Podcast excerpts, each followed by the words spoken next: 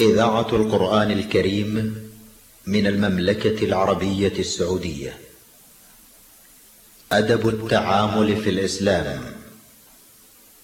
برنامج أسبوعي من إعداد وتقديم الشيخ محمد بن إبراهيم الحمد.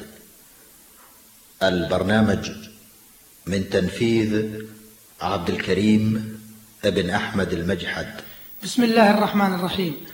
الحمد لله والصلاة والسلام على رسول الله نبينا محمد وعلى آله وصحبه ومن والاه أما بعد فسلام الله عليكم ورحمته وبركاته.